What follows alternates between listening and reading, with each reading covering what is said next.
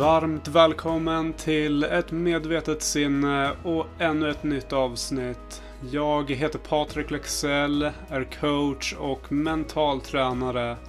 Och eh, idag gästas vi av psykologen Robert Johansson som är docent i psykologi.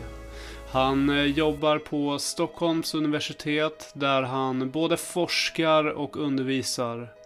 Robert har ett stort intresse för psykologi brett där han bland annat är med i ett projekt som arbetar med en deprimerad robot med ett långsiktigt mål att ha en robotpatient som upplever lidande för att öva och förstå ännu mer kring ämnet. I det här avsnittet och del 1 med Robert så kommer vi att kika lite på den delen. Men vi kommer också reda ut vad självinsikt är och hur man får en bättre självmedvetenhet. Låg självkänsla är något jag också vill utforska och här ger Robert fantastiska svar, tips och råd där han bland annat lyfter Rain och något som jag vill kalla för trippel A. Det här hjälper en att få grepp om de olika stegen för att förstå processen.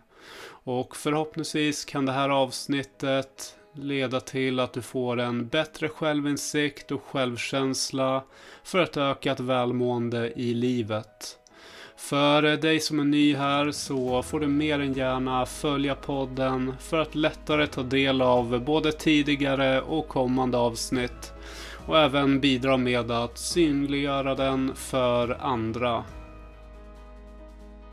Varmt, varmt välkommen Robert Johansson. Tack så jättemycket. Tack för att jag får vara med. Jättekul. Tack. Yes. Och eh, jag fick ett tips av Sofia Thunberg här som var med i ett tidigare avsnitt mm, eh, om, om just dig. Så det är superkul att ha med dig. Jag har hört gott om dig innan och läst på lite här om dig. ja, vad roligt. Mm. Yes. Men jag tänker att eh, du får ändå inleda med att berätta vem vi har med oss. Mm. Eh, nej men Robert Johansson heter jag då. Och eh, jag jobbar, jag är psykolog och eh, docent i psykologi. Jobbar på Stockholms universitet. Och jag ehm, jobbar med eh, forskning, undervisning, egna terapier. Ehm, och jag ehm, eh, nej men dels forskar jag på hur olika terapier fungerar och sådär. Och sen så anledningen till att jag känner Sofia mycket är från att eh, jag eh, jobbar också med eh, ett område inom AI som heter artificiell generell intelligens. Jag brukar kalla det för maskinpsykologi, eh, alltså den delen av psykologin där vi skapar inte om man ska använda ordet individer, men entiteter. Nej, men där vi skapar eh, olika artificiella kreatur eller på ett sätt är det just ordet artificiell som jag inte riktigt känner mig bekväm med. Så det kan mm. ibland vara en utmaning att kommunicera men, men min forskning handlar mycket om enkelt uttryckt om hur man kan skapa olika livsformer med eh, känslor och medvetande och kan lära sig saker och så. Och det är det jag menar att psykologin då har mycket att bidra mm. till. Så då brukar jag prata om maskinpsykologi som den del av psykologin som hjälper till i det väldigt svåra projektet. Mm. Låter otroligt spännande. Uh, och jag tänker att den delen kommer vi uh, vilja höra lite mer om också. Uh, mm. vi, vi kommer ju prata om en hel del eh, olika intressanta ämnen idag. Och eh, dels den där saken med robotar är ju, eh, om jag har förstått det rätt så har du någon form av en deprimerad robot och eh, forskar lite på den liksom beteendemässigt. Ja, det kan man väl säga. Alltså, ända sedan 2012 så har jag haft det som när jag började lära mig träna själv på en viss psykoterapiform så, så slog det mig där att det vore ju väldigt värdefullt om man kunde träna terapi på en robotpatient. Och sen var det egentligen inte förrän 2017 som jag på allvar jobbade ordentligt med det och då, då var det en viss robot då som vi gjorde en deprimerad version av men, men det var ju ingen intelligens i den utan det var ju mer en väldigt speciell robot som gick och, och, och prata med. Men, men man kan säga att den forskning jag håller på med inom maskinpsykologi är just att försöka hitta den en väg framåt inom det här området artificiell generell intelligens som på sikt skulle kunna vara en typ av AI som passar för att göra en robot eh, deprimerad och då kanske inte egentligen värdet i sig är att göra den deprimerad utan att förstå vilka processer inom en människa som kanske då också behöver finnas i en robot mm. eh, som gör att den skulle kunna utveckla något så eh, speciellt då som att vara deprimerad. Det förutsätter ju ett känsloliv och att man kan ha ett språk och eh, sådana saker. Så, så man, kan, man kan säga att det där är det långsiktiga slutmålet som, som kanske är absolut mer än fem år bort, tänker jag. Eh, högst sannolikt mer att, att ha en, en riktigt trovärdig robotpatient framför sig. Mm. Som, som, som, på riktigt upplever någonting, alltså upplever ett, ett lidande. Mm. Sjukt intressant och eh, bra alltså, tränings, en bra träningsform också tänker jag att använda sig av. Att just se mm. liksom och utforska vad, vad det beror på och sen se man kan säkert följa upp det på ett annat sätt också kan jag tänka mig om man har en ja, eh, AI, att man liksom får all data färdigt också på något sätt. Mm. Mm. Ja, det, ja men precis. Ja men det är ju superbra. Och för det här med eh, just med känslor och tankar och alltså man har, vi har ju mycket inom oss, vi människor också, och mm. även robotar mm. när man programmerar in det. mm, mm. Ehm, men jag tänkte att vi skulle börja och kika lite på just eh, självkänsla, uh, för det är en hel del som har ganska låg självkänsla. Mm. Och uh, där tänker jag också att man egentligen då kanske ska börja med självinsikt, då, då det handlar mycket om att just om att leva utifrån den man är och göra det man vill, då måste man ju förstå sig själv också. Mm. Eh, så jag tänker att du kanske har något bra svar där på hur man, eh, ja, man kan få en bättre självinsikt om vem man verkligen är och bli medveten om vem man är. Mm. Alltså dels, jag tänker ju, man får väl med alla sådana där termer försöka beskriva först vad man menar. Och både självkänsla och självinsikt tänker jag är två sådana saker. Det är nog bra om man beskriver ungefär vad man menar med det. Men självinsikt tänker jag enkelt uttryckt är att man beskriver, som jag ser det, är att man kan beskriva sig själv i ett sammanhang. Alltså att man kan sätta ord på ungefär sådana här, vad ska vi, nästan som händelsekedjor, att om det här händer så reagerar jag så här och det brukar bli så här. Um, att om någon annan säger det här, då brukar jag reagera så här och då vet jag om jag gör så här, då blir det inte så bra. Gör jag så här så kanske det funkar bättre. Um, men det förutsätter ju i sig att man kan också då sätta ord på olika saker som händer i, i en själv. Alltså märka när man tänker någonting, märka när man känner någonting. Um, och det där är ju förvånansvärt svårt att, att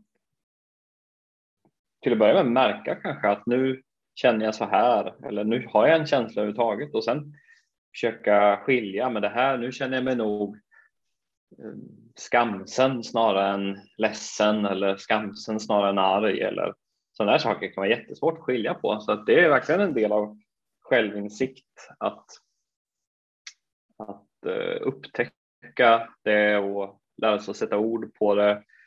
Och sen verkligen, verkligen svårt att gå därifrån till att använda det ihop med andra. Men eh, jag tänker faktiskt att den metod, om man kallar det så, då, som jag tycker är bäst är ju att göra olika former av meditation. Eh, för det är ju, jag tänker meditation handlar om att se sig själv. Eh, att, att, studera, studera sig själv. Eh, att genom att hålla fokus på andningen till exempel så kommer det att dyka upp väldigt mycket tankar och känslor. Och det är ju jag själv jag ser då. Jag ser mig själv då. Och eh, jag eh, tycker att eh, det kan vara väldigt jobbigt att meditera men, men det blir också då ett sätt att eh, ja, men dels se alla reaktioner men kanske också det är nästan oundvikligt när man börjar se olika saker hos sig själv att, att inte också då kanske börja åtminstone förlåta sig själv lite grann, förlåta, sig, förlåta andra och komma framåt i en utveckling på det sättet och, och, och det för att gå över till självkänsla tycker jag det tycker jag är en, en grundbult i självkänsla att kunna eh, se sig själv och andra och också kanske komma till en plats där man kan vara lite mer schysst mot sig själv och andra. Ehm, så ja, men jag rekommenderar meditation i olika former väldigt varmt för det här. Mm. Vilket superbra svar. Uh, jag, jag tänker också själv när jag, um, när jag får mest självinsikt så är det faktiskt genom, som du säger, meditation och medveten närvaro. Uh, att det mm. verkligen är i ja, men är i nuet, i ett mer lugnare tillstånd och mer avslappnat tillstånd, då kan jag, mer, då kan jag också observera mina känslor och tankar. Och det är ju väldigt svårt i andra situationer om det är väldigt mycket som händer. Säg att, jag skulle, säg att vi skulle sitta och spela in det här avsnittet vid en motorväg exempelvis. Det skulle vara väldigt svårt att eh, mm. föra en diskussion då, både med mm. varandra och sig själv. mm, um, och, men just det här med låg självkänsla är ju också, alltså när man får när man har självinsikt och får en självkänsla så är det inte alltid att den håller utan mm. ibland så är man ju stressad eller orolig, man upplever de här obehagskänslorna när man väl får en självinsikt. Och eh, den delen är ju också väldigt svår att hantera men jag tänker där kanske du har något knep också på liksom just att gå igenom de här jobbiga känslorna som man kan mm. uppleva ibland. Mm. Ja, alltså till att börja med så, ja men det kanske inte riktigt sa där, men, men som jag tänker om låg självkänsla så handlar ju det väldigt mycket om att man ägnar sig åt kritik av sig själv då helt enkelt. Eh, vilket kan vara alla varianter av att man inte accepterar hur man är till att man har väldigt mycket kritiska tankar om sig själv och, och riktar negativa känslor mot sig själv om man säger så. Eh, och sen är det dessutom en vanlig form av självkritik för, för folk som är intresserade av sådana här saker. Att man kan, när man väl börjar se att man är självkritisk så kan man ju också börja bli självkritisk för att man är självkritisk. Alltså, nu, nu, nu gör jag det där igen. Åh, oh, jag som har gjort så mycket övningar. Jag borde inte och, och så vidare. Och så vidare. Um, nej men jag, alltså det, det, finns ju otroligt mycket, vi kan kalla det self-compassion övningar på Youtube och pod poddar och sånt där och de är ju ganska bra ofta. Eh, jag vet inte om det här är ett, ett format man får komma med tips. Absolut. Eh, eller man ska säga det. Ja, men mm. jag, jag, tycker till exempel att Tara eh, B-R-A-C-H, hon gör väldigt, väldigt bra poddar på temat self-compassion och har många Youtube-inspelningar. Um, och hennes metod eh, som hon beskriver mycket, det är bara en bland många, det är något hon kallar för RAIN som då är eh, Recognize, Allow, Investigate, Nurture. Och recognize är helt enkelt det här som vi pratar om med självinsikt, att, att, att, bara märka att nu gör jag en väldigt kritisk tanke, vilket kan vara jättesvårt i det här bruset som du menar. Precis när man står vid motorvägen i, i någon metaforisk bemärkelse kan det vara svårt att märka att jag håller på med det där. Um, och allow kan ju vara minst lika svårt att bara tillåta att det där får existera. Um, och sen in, i som investigate, det, det är någonting som hon rekommenderar en väldigt så här kroppslig aktivitet. Att, att faktiskt undersöka i kroppen. Inte att man börjar gå igenom i tanken då, så här, varför och X och Y och sådär, utan undersök i kroppen hur, hur det här är för dig precis just nu. Och en som är nurture är då, okej, okay, men fråga sig själv, vad behöver jag just nu? Vad kan jag ge mig själv just nu som tar hand om mig i det här som jag är i, alltså det här kroppsliga som jag är i. Vad, vad kan jag ge till mig själv här just nu? Och att, att verkligen med intention närma sig det där att kanske A1 skulle jag kanske säga kan vara svårast där med allow, att, att bara faktiskt tillåta att ja, men nu tillåter jag mig att ha de här upplevelserna. Det kan vara så fruktansvärt svårt. Men det är liksom en skillnad på natt och dag att gå in i den med en intention av att ja, men jag vill faktiskt tillåta mig till det här mot att inte göra det. Och ibland är det så svårt att tillåta sig det så att man kan behöva börja i änden att okej, okay, jag märker att jag inte vill allow. Då kan man fråga sig själv så här, skulle jag vilja att jag ville eller kan jag, kan jag, skulle jag vilja ha intentionen att, förstår du, att, mm. och bara skulle jag vilja vara på en plats där jag tillät mig själv att allow min upplevelse. Mm. Så, och, så nyckeln till det där tycker jag är att komma till en plats att man har en intention av att verkligen öppna upp för allt, hur svårt det än är. Det tycker jag ofta kan leda till någon form av start på ett arbete med att nå till en eh, större medkänsla för sig själv och därmed kanske då bättre självkänsla. Mm. Superbra. De där stegen känns verkligen, det är precis som du säger, det är verkligen de stegen som, eh, som gör att man får en bättre självkänsla och självbild av, men just den här med att acceptera eh, en känsla och verkligen gå in i den och se vad den berör i kroppen och i sinnet och behöver jag den eller mm. vad behöver jag för att hantera den? Det är super, superbra. Mm. Jag kan bara nämna det att en lite variant av det där som jag också gillar är tre stycken A istället för rain då som Tara Brag pratar om. Mm. Eh, någon annan pratar om allow, accept, acknowledge, alltså som tre steg i princip. Att allow som att bara öppna upp och sen som du är inne på, accept kan ju vara jättesvårt att bara acceptera att det här är faktiskt vad jag känner. Men sen också det där sista steget är en nyckel tycker jag att acknowledge. För säg att man sitter där med massa frustration. Det kanske är, det är liksom ett ganska ovanligt perspektiv vi har på vår egen upplevelse. Att, ja, men det kanske är en valid upplevelse. Det kanske är någonting jag kan acknowledge. Det kanske inte är så konstigt att jag känner så här. Så den gillar jag också. Allow, accept, acknowledge. Mm. Trippel A. Ja, men. det är som ett uh, superbra batteri det där. ja, visst. mm. men, ja, men det låter superbra. Jag har själv kört en del uh, jag vet inte om man kallar det KBT-liknande när man just går in i känslan. Kommer inte mm. ihåg vad hon hette som jag lyssnade på tyvärr.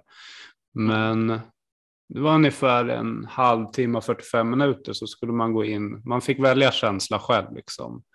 Mm. Eh, och då valde jag känslan, jag tror det var sorg då eller om det var men någonting liknande. Eh, och jag kände ju inte sorg när jag började, men jag ville testa just den, för jag vet att man, alla människor besitter ju alla olika känslor någonstans, Så det finns sorg i mig också. Och eh, då la jag mig i soffan och lyssnade på det här och då är det precis det, man skulle gå in i den här känslan och man skulle känna i kroppen vad som hände i kroppen. Man märkte att man blev lite stressad i början, lite kallsvettig kanske och sen så blev man lugn och kanske lite stel. Och det, var, det var mycket känslor som hände i kroppen. Och det är väldigt svårt att vara kvar i det under en lång period. Så därför tänker jag också att om man inte är van med det så gör man det nog kanske rekommendation att man gör det under en kort period också. Att man verkligen så här, testar sig fram lite grann. Eh, och ju mer man gör så, eh, ja, men ju längre kan man köra sådana här sessions, att bli medveten.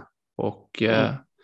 med tiden känns det som att alltså, ju mer man gör olika övningar så kommer det här automatiskt, att man märker ganska fort om jag blir stressad eller nu får en obehaglig känsla och lär sig hantera mm. den snabbare också.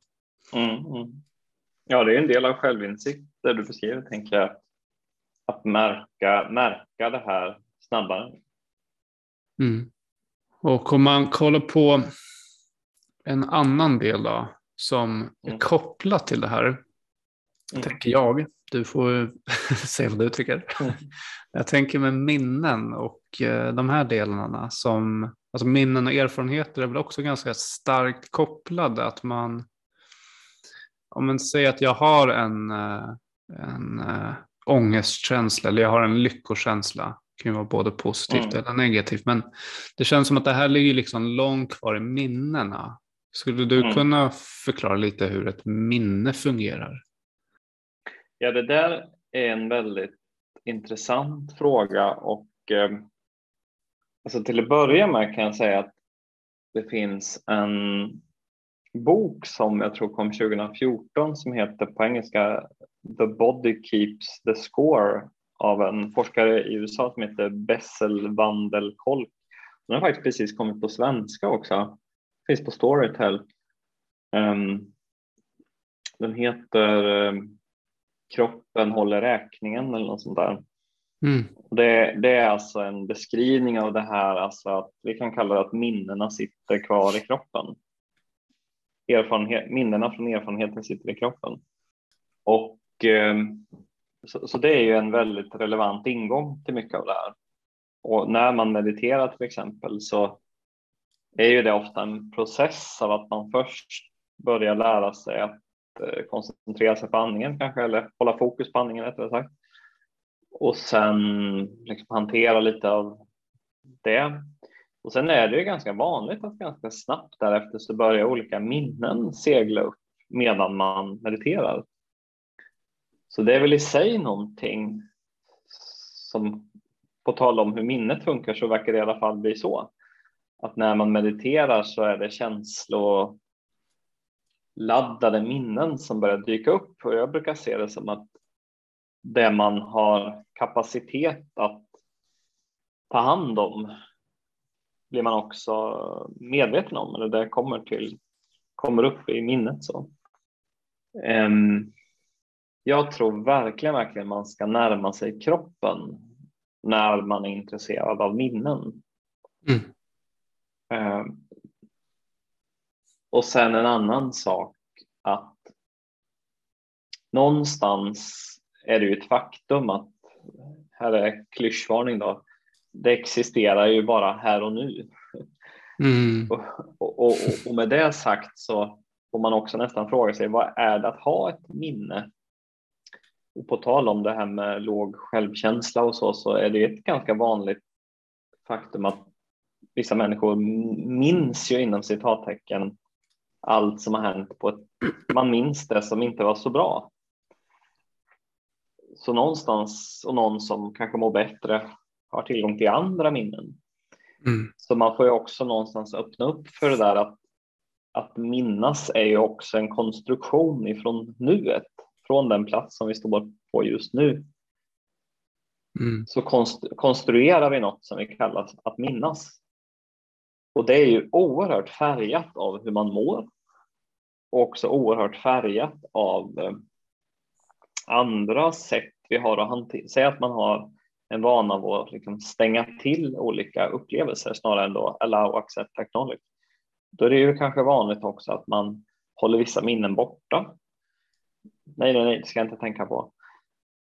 Så, så jag vill verkligen slå ett slag ett för kroppen, men också att jag gillar det här att prata om att minnas snarare än minnet som en statisk enhet. För minnas är någonting vi gör här och nu och det är väldigt påverkbart av våra erfarenheter. Men som sagt har jag en känsla av att jag inte har svarat på din fråga. jo då, det tycker jag verkligen. Jag tycker ja. det är superintressant hur du också förklarar hur du besvarar den. För det, är verkligen, det får mig att tänka på, bara i det här mötet som vi sitter nu, exempelvis hur jag sitter eller hur jag eh, förhåller mig. Och det är ju också mitt minne som är påkopplat från hur jag har betett mig tidigare, vad som har funkat, vad som inte har funkat. Skulle mm. jag varit i obalans nu, då skulle jag kanske ha stängt av micken och stängt datorn i panik eller så här. Alltså det blir ju väldigt mm. tokigt. Då. Um, det är så, jag tänker också på om man har, ja, som idrottare eller när man ska prestera någonting, kanske på arbete eller du har en sluttenta i skolan och pressen liksom börjar öka, då blir det också eh, då kommer också kanske minnen upp kopplat till när man kanske då har ramlat någon gång eller misslyckats med någonting. Det kommer upp många så skräck och obehagskänslor. Mm. Uh, hur tänker du att man liksom hanterar just i stunden när de här kommer upp?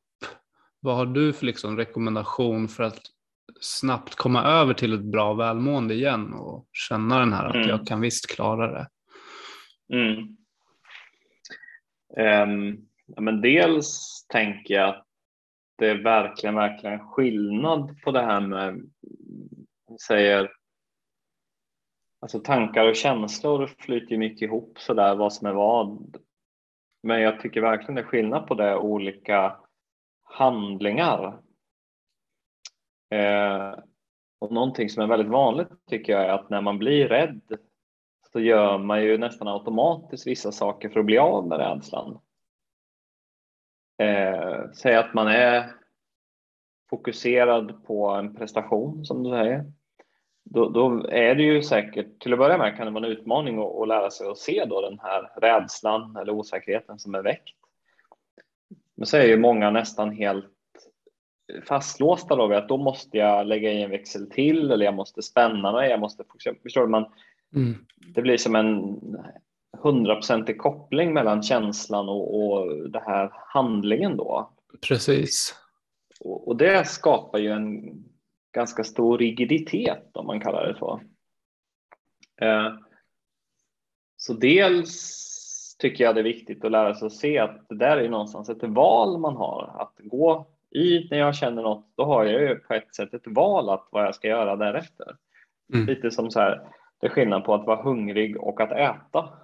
Mm. Så, så, så, är det skillnad på att ha en känsla av eh, att jag, en massa upplevelser av att jag känner krav på mig själv. Det är skillnad på det och att agera på det. Mm. Eh, så på tal om självinsikt så det här att kunna bara observera sina reaktioner och, ja. och, vara den, och vara den som väljer vad jag gör med det. Det tänker jag är ju att verkligen öppna upp.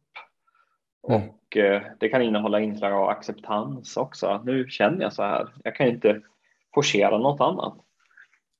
Um, så, så att liksom närma sig en plats som är mindre rigid och mer att öppna upp tycker jag är en bra start i alla fall. För då får man ju ofta lite andrum där i. Mm. Kanske räcker det med en tiondel sekund eller sådär för att, med lite andrum för att bli lite mer mottaglig för att jag kanske göra så här eller så här eller så här. Mm. Um, så ja, men återigen, och meditation hjälper ju ofta till med det där att, att lära sig att se olika reaktioner och lära sig att se en intention man får upp automatiskt om att göra något jag måste bli av med den här känslan nu. Och, och kunna hjälpa människor att få ett tidsfönster däremellan för att hinna ha en annan intention som kanske är det är okej okay att ha den här upplevelsen i kroppen just nu. Mm. Superbra. Jag vet inte varför, men jag tänker på motorvägen igen. Jag såg, ja. mig, såg mig lite som att jag sitter i liksom en, en bil och eh, svischar förbi någon obehagskänsla i, i en ganska hög fart. Och mm. då kanske man vill lägga in växel till och gasa ännu mer. Men där handlar det nog mer om att liksom bromsa, kanske nyfiket, åka tillbaka till den här obehagskänslan, den där platsen och vad var det där för någonting och stanna kvar lite i den för att sen kunna åka vidare. För det tänker jag också, om man bara bränner vidare så sitter väl den här känslan ändå kvar i vårt undermedvetna någonstans. Så det, jag tror det är viktigt att liksom bearbeta olika känslor och tankar löpande. Att vara så medveten som, som möjligt, hela, alltså så mycket man kan. Uh, mm. tror jag hjälper väldigt mycket. Mm. Och det, för jag tänker bara själv sen när, jag ner här.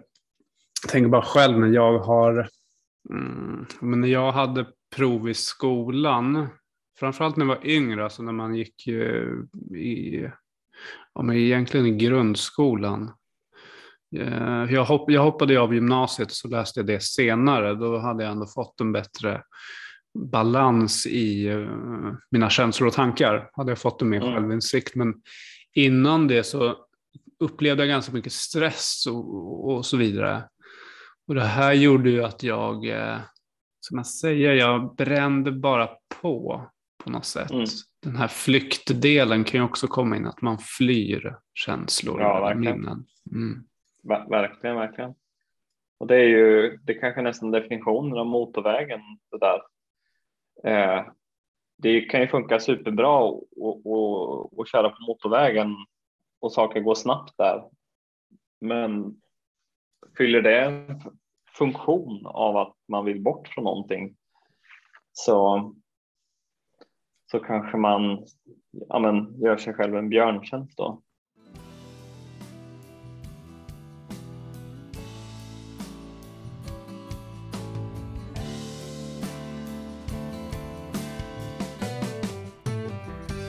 Jag eh, är så otroligt tacksam för att ha kunnat dela det här avsnittet med er och känner själv att jag har fått en större insikt kring allt som vi pratade om i det här avsnittet. Och jag hoppas att även du som lyssnar har fått det. Om eh, du är nyfiken på att veta mer om flyktbeteenden, obehagliga känslor och tankar samt hur minnen fungerar och hur man kan dämpa den överanalyserande hjärnan så kan det vara bra att följa podden redan nu för att enklare ta del av nästa veckas avsnitt och del 2 med Robert. I del 2 så kommer vi också reda ut definitionen av här och nu och se över samhörighet, uppmärksamhet och bekräftelse där ensamhet, dömande och meditationens krafter också lyfts i samtalets gång. Följ, gilla och dela gärna vidare till andra. Stort tack för denna stund och vi hörs snart igen.